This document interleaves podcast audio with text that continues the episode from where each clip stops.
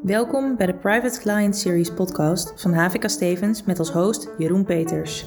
Jeroen Peters is sinds 2019 als taxpartner aan HVK Stevens verbonden. Hij en zijn team adviseren vermogende particulieren, hun ondernemingen en de achterliggende families. In deze podcastreeks gaat Jeroen in op onderwerpen als opvolgingsperikelen, privacy, beleggingen, vastgoed en goede doelen. Voordat hij een onderwerp uitdiept, wordt eerst de actualiteit belicht. In de podcast van vandaag gaan we verder in op ontwikkelingen op de cryptomarkt, zoals NFT's, DeFi's en de DAO.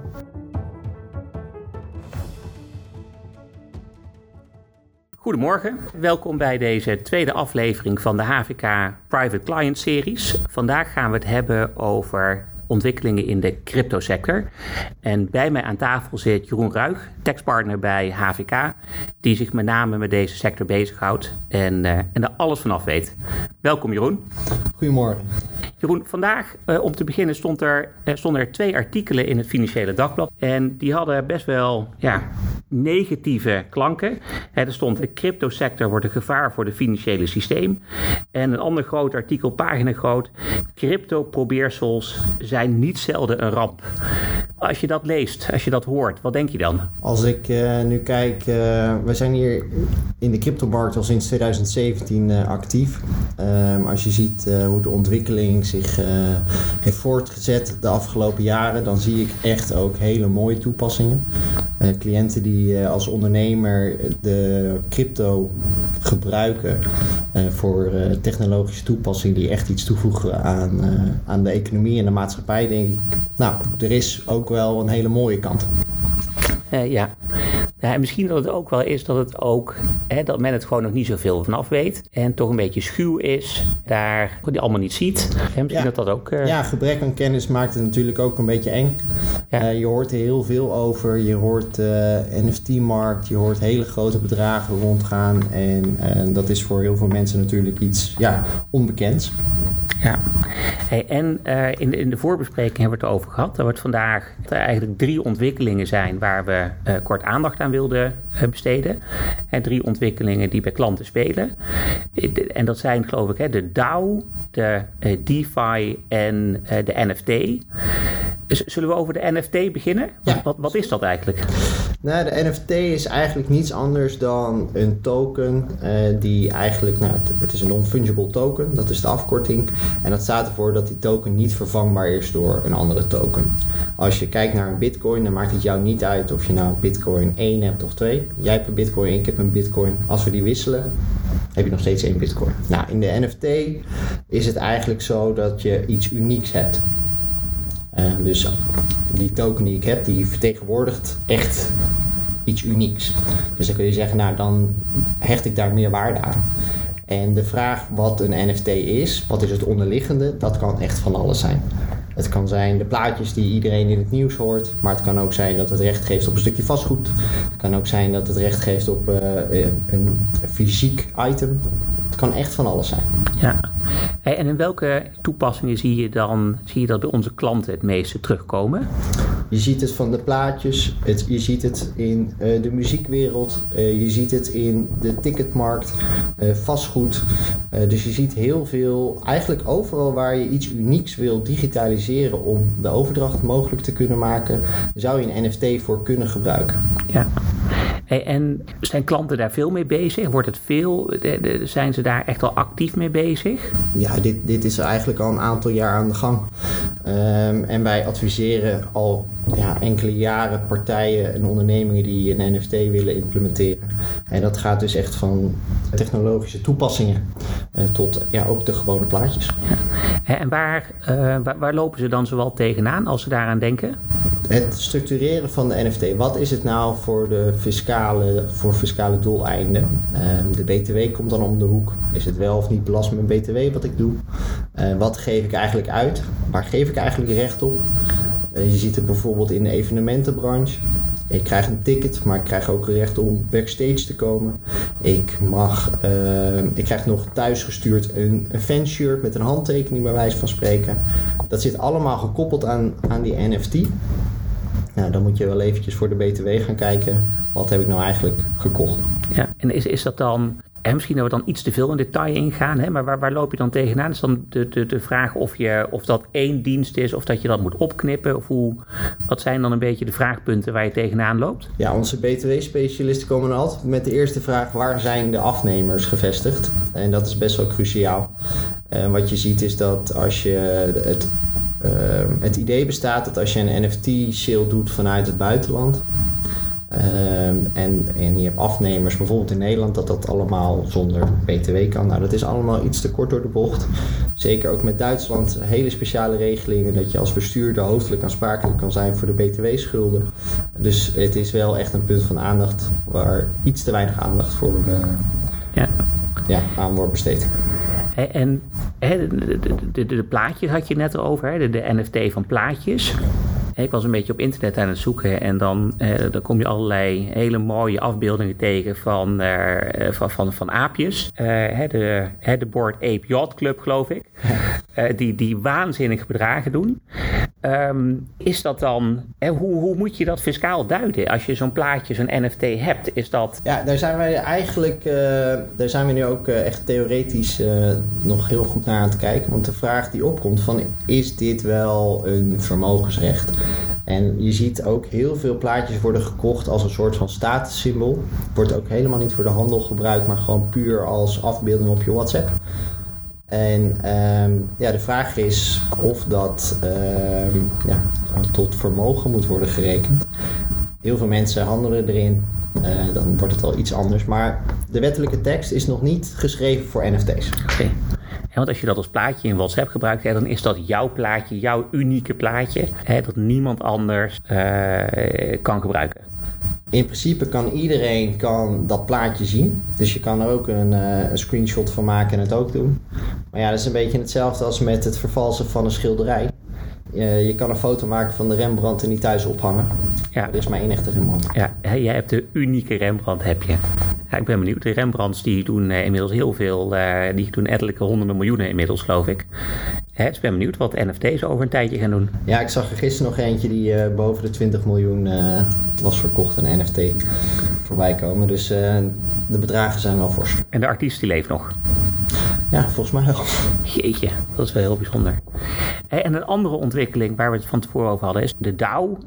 Wat is dat dan? Ja, wat je nu heel veel in de markt ziet is dat um, eigenlijk er communities worden opgezet of een platform wordt opgezet die niet centraal worden beheerd. En daar, dat is eigenlijk ook de DAO voor bedoeld. Het is een gedecentraliseerde autonome onderneming waarbij er eigenlijk geen bestuur is. Dus op het moment dat jij een DAO opzet, dan heb je daar tokens voor nodig. Meestal worden daar governance tokens voor gebruikt. Dat is een vorm van stemrecht. En iedereen die lid is eigenlijk van die DAO, eigenlijk iedereen die daar tokens van heeft, die kan een voorstel doen. Wat zullen wij doen als DAO? Dan mag iedereen meestemmen. Het is eigenlijk gewoon een grote groep van, uh, van mensen die elkaar niet kennen, elkaar niet hoeven te vertrouwen, maar wel samen kunnen werken of samen iets kunnen besluiten.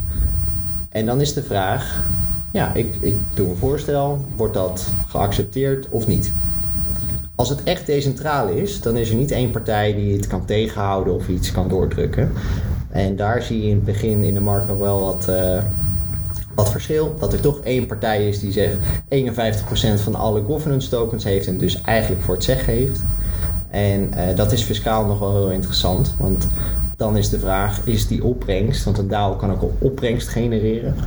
Uh, bijvoorbeeld, um, er is gewoon echt een onderneming, een spel, noem het een online spel, waarbij uh, omzet wordt gegenereerd. Nou, dat kan ook echt toekomen aan de DAO. Mm -hmm. uh, maar als daar één iemand is die eigenlijk toch controle heeft, zou het zomaar kunnen zijn dat dat gevestigd is, die DAO, in Nederland. Ja. Ja. Dus dat is fiscaal wel heel interessant. Het idee van decentralis is dat niemand het voor het zeggen heeft. Maar als technologisch blijkt dat toch iemand voorstellen kan doordrukken of tegenhouden, ja, dan is de vraag hoe decentraal is het? Ja. Misschien om nog ook even een voorbeeld te geven van een DAO, want het is nu misschien nog een beetje vaag van nou ja, wanneer en wat gebeurt er dan eigenlijk? Hè? Um, stel, we zijn een groep mensen en we willen samen gaan investeren. Um, en um, het doel van die DAO is om samen te investeren. Dan kan een lid zeggen van zullen we investeren in dit fonds? kan ook een DAO zijn, maar even, laten we het even naar de oude wereld trekken. Het fonds. Dan wordt dat voorgesteld, we gaan dat bedrag doen. En degene die dat gaat regelen, dat is partij X. Dan kan de rest van de community, die een token heeft met stemrecht, zeggen van ik ben voor, we gaan dat doen, of ik ben tegen. En dan worden stemmen geteld, is iedereen voor, dan wordt er geïnvesteerd. Dit is een beetje een gestileerd voorbeeld, want er zitten natuurlijk heel veel praktische problemen. Mhm. Uh, mag dit vanuit toezichtrecht? Nou, daar gaan we vandaag niet op in, want dat is uh, een hele andere tak van sport. Uh, je kan waarschijnlijk niet investeren in een normaal ehm, private equity fonds via een DAO. Ehm, maar eventjes gestileerd om toch even aan te geven wat kunnen we met elkaar doen. Um, het spel bijvoorbeeld, waar we het uh, al eerder even over hadden. Stel, we hebben een online game. En um, de community die wil graag een nieuw level. Mm -hmm. Er moet iets nieuws. Er moet, er moet een verbetering worden doorgevoerd, want er zit iets wat niet werkt. Dan kun je je dat voorstellen van zullen wij het spel aanpassen dat dit en dit ook mogelijk is. Ik stel voor dat partij X die uh, technologische aanpassingen in de blockchain gaat doorvoeren. Um, zijn jullie het met mij eens? Dan stemt iedereen. Wordt de opdracht gegeven aan bijvoorbeeld een entiteit die daadwerkelijk die technologische ontwikkeling moet doorvoeren. Want uiteindelijk moet dat worden aangepast. Mm -hmm. En dat moet nog steeds worden gedaan door iemand. Ja. Um, en als de partij die dat, wat je veel ziet, dat is de contractor. En degene die de DAO heeft opgezet initieel en ontwikkeld heeft op de blockchain. Dan zie je vaak dat die partij nog meerderheid van stem heeft. Waardoor die ook al die opdrachten naar zich toe kan trekken. Die krijgt daar ook een fee voor om dat te doen. Dan is het weer interessant van hé, hey, moet ik, is dat met BTW, zonder BTW? Um, waar zit die DAO? Waar is dat gevestigd? Um, is die DAO wel of niet fiscaal transparant? Um, allemaal vraagstukken die dan spelen en Ja. zeer complex zijn, omdat we hebben een dikke wettenbundel. Maar er staat geen één keer eh DAO genoemd of Nee. in die vorm. Dus het is nog een beetje pionieren. Ehm, maar wij hebben er inmiddels wel veel ervaring mee dat we per casus ja, mensen kunnen helpen. Hey, en, en het is pionieren. Ehm, hè, wij, wij hebben dagelijks contact met ondernemers. Eh, de, de Belastingdienst die heeft dat ook wel, maar die zitten toch iets meer op de, op de achterbank, iets vertraagd. Is, is, er, is er bij de Belastingdienst, eh, naar jouw idee, inmiddels ervaring met dit soort, eh, met dit soort producten, met dit soort diensten? En we hebben in de beginperiode gezien dat er een, echt een, een team bij de Belastingdienst was die zich als, als kennisgroep specialiseerde in crypto. Op een gegeven ogenblik zag je een kanteling dat het vanuit de Belastingdienst werd gezegd: is algemeen goed. Nou, ik denk dat inmiddels we dat niet meer kunnen stellen, omdat er zoveel ontwikkelingen zijn en dat er ook vanuit de Belastingdienst nog wel op bepaalde onderwerpen, ja, daar, daar zitten ze mee. We stemmen ook eh, bepaalde onderdelen met de Belastingdienst soms af. En eh, we merken wel dat dat in de regel wat langer duurt dan in, uh, in de oude wereld, laat ik Ja. het zo noemen. Heb je het idee dat ze dan inmiddels wel weten waar ze het over hebben? Of is het nog steeds eh, een soort... Ligt in- aan degene die je uiteindelijk voor Oké. je hebt. Ja, Hey, en de, de DAO, hè, het intrigeert me wel. Wat, wat voor toepassingen zie je dan bij, bij, bij onze klanten eh, voor de DAO? Ehm, een decentraal platform. En je noemde al in je intro DeFi. En daarin ehm, is eigenlijk een financieringsplatform. Waarbij mensen geld of in dit geval tokens kunnen lenen. ehm, om ehm, ja, en dan niet naar de bank hoeven. Mhm. Bijvoorbeeld een toepassing van een decentraal platform waar er geen bank is die geld aan de ene kant binnenhaalt en aan de andere kant uitleent. Maar dat dat geregeld wordt via een online gedecentraliseerd platform op de blockchain. En, en zijn er dan zi- zijn er dat soort toepassingen al? Dus, Zeker. Ja, en, en, en wat betekent dat? Dat betekent dat, stel dat, eh, dat, dat iemand morgen een onderneming wil starten en daar financiering voor wil ophalen. Eh, hè, een onderneming in, de, ehm, eh, in, eh, in, in, de, hè, in cryptotechnologie. Hè, dat hij dan via een DeFi kapitaal zou kunnen ophalen. Ja, zeker. Waanzin. gebeurt best veel. En dat is uh, natuurlijk uh, vanuit heel veel perspectieven ook interessant, zo'n platform. Van ja, mag het überhaupt in Nederland? Hè? Want ik noemde het net ook al, toezichtrecht speelt hier wel elke keer een rol. Uh, dus dat zullen ondernemers altijd goed moeten checken. Het fiscale stuk moet goed worden gecheckt van wat ben ik nou eigenlijk aan het doen? Waar? En ehm, ja, loop ik tegen verplichtingen aan? Mm -hmm. Maar dit is, als, dit, als dit een grote vlucht gaat nemen, dan is dit natuurlijk ook in ieder geval een enorme bedreiging voor de traditionele financiële sector. Ja, en dat is eigenlijk ook de, de gedachte van de ondernemers: van wij kunnen dit doen zonder de banken. En daar komt het überhaupt een beetje vandaan. Hè? Uh, Bitcoin is uh, ooit in het leven geroepen in het idee dat de banken niet meer nodig zouden zijn.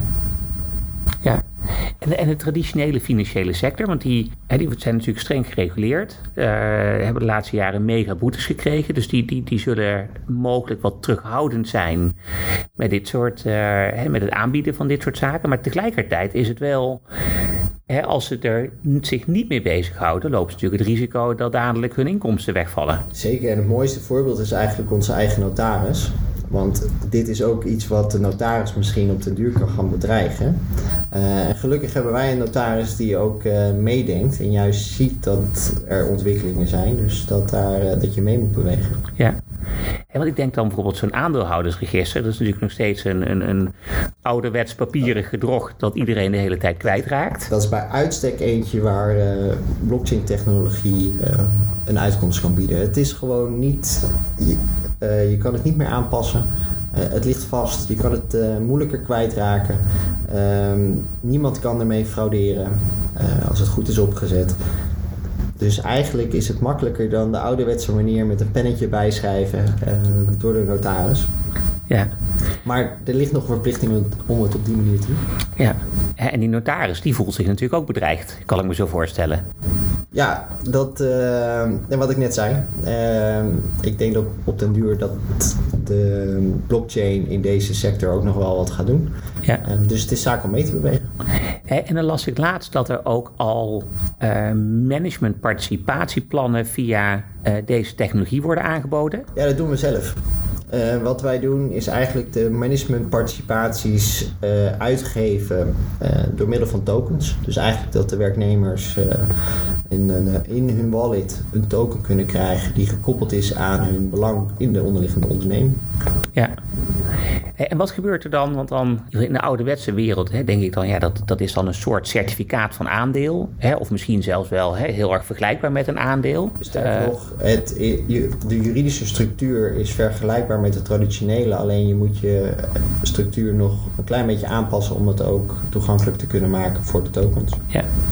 En is er dan, loop ik dan hè, bij blockchain, eh, of sorry, bij, bij bitcoins hoor je wel eens dat mensen die zeggen van ja shit, hè, ik heb eh, echt voor een, uh, een enorm bedrag aan bitcoins, maar ik ben mijn wachtwoord van mijn, van mijn wallet ben ik kwijt. Loop, je daar, hoe, hoe loop, je hier dan ook tegenaan? Een werknemer die zegt van ja ik heb een token, maar ja, mijn wachtwoord. Ja, dat is misschien nog wel goed om even uh, iets toe te lichten. Op het moment dat je een management participatieplan opzet, dan is dat natuurlijk niet helemaal uh, decentraal. Um, er is een onderneming die eigenlijk het uh, in handen heeft, die heeft daar controle over. Het enige is dat je een technologische toepassing aanbiedt, namelijk door middel van tokens. Het is ook heel makkelijk, bijvoorbeeld als er een cash event is, dat het automatisch meteen wordt uh, uitgevoerd. In plaats van dat je eerst het contract uit de la moet uh, trekken, een Excel-boek maken om uit te rekenen wie nou wat kreeg. Um, dat leg je eigenlijk allemaal vooraf vast in smart contracts op de blockchain. Dat zit mm -hmm. dan in die token. Maar het is niet zo dat je, net zoals nu bij een bank, als jij je inloggegevens kwijt bent, dan, uh, dan krijg je ook nieuw. En dat kun je natuurlijk voor zo'n managementparticipatie ja, ook wel inregelen. Ja. En bij een bitcoin is dat weer, kan dat anders zijn. Um, er zijn natuurlijk uh, wallets die, ja, daar kun je niet naar klantenservice bellen. Um, en dan is in sommige gevallen helaas weg is weg. Ja. Hey, misschien nog heel even op die managementparticipatie dan. Hè. Uiteindelijk, wat je ook nog wel eens hoort, hè, wat op een gegeven moment is dat er, hè, er vindt soms ook gewoon fraude plaats hè, bij een verkoop. Hè, dat er ergens in de e-mailchain wordt ingebroken en dat, een, uh, dat, dat, dat geld naar een verkeerde bankrekening wordt overgemaakt. En dat heb je bij deze technologie, zal het risico waarschijnlijk ook veel minder zijn. Ja, zeker. Je kan vooraf uh, vastleggen naar welke bankrekening uh, dat moet. Het zou, je kan er een validatieproces aan vasthangen, dat, dat degene die het ontvangt dat nog een keer moet controleren. En pas als op die knop heeft gedrukt, dan wordt het overgemaakt. Maar dan staat er wel vast wanneer er iets overgemaakt moet worden en welk bedrag. Ja. Ja, wat waanzinnig interessant. En, en wat voor andere toepassingen zien we dan nog? Uh, wat ik in het begin zei, er zijn uh, toepassingen eigenlijk overal waar je nu een, uh, iets unieks hebt, bijvoorbeeld hè, een, ticket. Ehm, als jij een kaartje koopt voor een voetbalwedstrijd, ja, dan kun je die natuurlijk ook vastleggen op de tokenmarkt, uh, in een token. Ehm, op het moment dat ik mijn token overdraag naar jou, dan heb jij dat toegangsrecht. Eh, dat is toch net iets anders dan met een papieren e-ticket, waarvan er op een gegeven ogenblik 10 versies zijn uitgeprint. Wie is als eerste binnen, krijg je dan. Ja. Um, dus daar zie je een toepassing. Uh, het, uh, het volgen van uh, goederen um, van A naar B in internationale aspecten. ja, er zijn legio. Het is eigenlijk een automatisering van bestaande processen via de blockchain. Ja. En dan, hè, dan de traditionele bitcoin en, en andere munten. Als, als ik het zo hoor, is dat eigenlijk alweer enorm ouderwets. Ja, ik denk niet dat iedereen het daar met je over eens is. Omdat uh, er zit natuurlijk ontzettend veel vermogen in, uh, in allemaal verschillende crypto's. Uh, Bitcoin, Ethereum en zo hebben we er nog duizenden. Je kan ook zeggen, de markt is ook weer niet zo groot. Want het doel van Bitcoin is, is dat het bijvoorbeeld fiat zou kunnen vervangen. Nou, daar zijn we natuurlijk nog lang niet. De, Er zijn nog weinig plekken waar je kan betalen met uh, bitcoin. Je ziet het wel steeds meer. Uh, je ziet steeds meer berichten dat je ergens kan betalen met, uh, met je bitcoins. Um, en niet alleen maar met je, met je creditcard of je bankpas of cash. Dus ik denk dat nou, ouderwets misschien nog niet het goede woord is. Was nou Ecuador waar inmiddels bitcoin een officiële valuta geworden is? El Salvador. Oh, El Salvador. Ja. En met bitcoin, daar, daar gaat op borrels hoor je wel zo'n broodje aap verhaal. Althans, denk ik dat het een broodje aap verhaal is dat je, eh, dat je bitcoin en andere crypto's, dat je het niet zou hoeven aan te geven in je aangifte inkomstenbelasting. Ja, dan moet je gewoon aangeven. Alleen de vraag is, hoe moet je het aangeven? Is het, uh, is het uh, box 3 vermogen? Ben je misschien veel actiever en zit het in box 1? Um, ehm, die vraag die krijgen we ook nog steeds heel vaak van hoe moet ik het nou aangeven? Ehm, in de cryptowereld is net weer wat anders dan de reguliere oude wereld, waarbij je eigenlijk ja, uh, als je aandelen koopt, dan uh, ja, moet je naar de beurs. Dat kun je via verschillende platformen doen. Alleen er gebeurt in de cryptowereld zoveel. Uh, je kan op heel veel verschillende manieren tokens verkrijgen. En de ene keer is daar arbeid voor nodig, de andere keer is daar een heel goed netwerk voor nodig. Ehm, soms kan er wel sprake zijn van een kennisvoordeel. Nou, dat zijn allemaal onderwerpen die ja, in de cryptowereld net wat makkelijker aan bod komen dan uh, in de aandelenmarkt bijvoorbeeld. Dus dat is fiscaal altijd wel een, uh, een aandachtspunt. En kennisvoordeel, dat, dat klinkt als handelen met voorkennis. Dat, Als je dat met aandelen doet, dan is dat strafbaar? Ja, nou ja, de vraag is, uh, uh, naar mijn weten is het volgens mij nog steeds zo dat dat in de cryptowereld uh, niet strafbaar is. Maar goed, dat zullen we moeten checken bij een advocaat of, dat nog steeds zo geldt. maar in principe is daar natuurlijk veel meer mogelijk. Um, omdat je als onderneming bijvoorbeeld je eigen tokens kan uitgeven aan de teamleden. En dan ben je natuurlijk veel nauwer betrokken. Um, en het is geen aandeel. Ja. In heel veel gevallen. Een token is in heel veel gevallen geeft het echt geen recht op uh, dividend. Het geeft geen recht op onderliggende waarde uh, van de onderneming. Het staat er eigenlijk een beetje los van. waardoor we het ook niet kunnen vergelijken met een aandeel. maar ik, het heeft wel waarde. want blijkbaar kun je het verhandelen en je krijgt er iets anders voor terug. Ja. Um, en die waarde ontwikkelt. Um, en ik kan daaraan bijdragen, maar de cryptowereld is niet altijd even rationeel. Maar dat is wel altijd een punt om daar in ieder geval vanuit fiscaal perspectief goed naar te kijken. En wat gebeurt er dan? We hadden het net al over dat, dat sommige mensen gewoon hun wachtwoord van hun wallet kwijt zijn. En stel dat ik in zo'n situatie ben en ik, ik heb voor een bepaald groot bedrag heb ik aan crypto's in mijn wallet en ik ben mijn wachtwoord kwijt. En ik weet echt begot niet meer waar dat wachtwoord is. Ik weet nog wat er ongeveer in zit. Is dat dan hoe kijk je er dan tegenaan? Is dat dan nog een bezitting? Ja, de vraag is: uh, is het nog iets? Ben ik het echt kwijt? Ja, dat is per geval verschillend. Ik stel het dan wel eens de vraag van: uh, stel ik bied jou nu uh, eh, 100 euro. En daarmee eh, geef, als je er ooit nog in komt of iets, is het van mij? Zeg je dan ja of nee? Of 1000 euro? als dan het antwoord eigenlijk is nee, dat betekent toch nog dat er, dat er iets is. Dat er toch nog wel iets voor je van waarde is. Dus de vraag, uh, kijk, ik heb een portemonnee is makkelijk. Als daar cash in zit en ik loop uh, in de binnenstad van Amsterdam, ben mijn portemonnee uh, kwijt, kom er thuis achter, dan durf ik wel te zeggen, nou, die zie ik nooit meer terug. Maar in, ja, met crypto, de vraag is, hoe zeker ben je ervan dat je er nooit meer in komt? Ja hier ook nog wel een mooi businessmodel voor bedrijven die uh, wallets opkopen waarvan het wachtwoord ja, uh, kwijt is. gezien een aantal jaar geleden. Je had een uh, exchange, Mt. Gox, die ehm, de oprichters daarvan, ja, die waren met een Noorderzon vertrokken. En iedereen was eigenlijk zijn tokens kwijt, zijn crypto kwijt.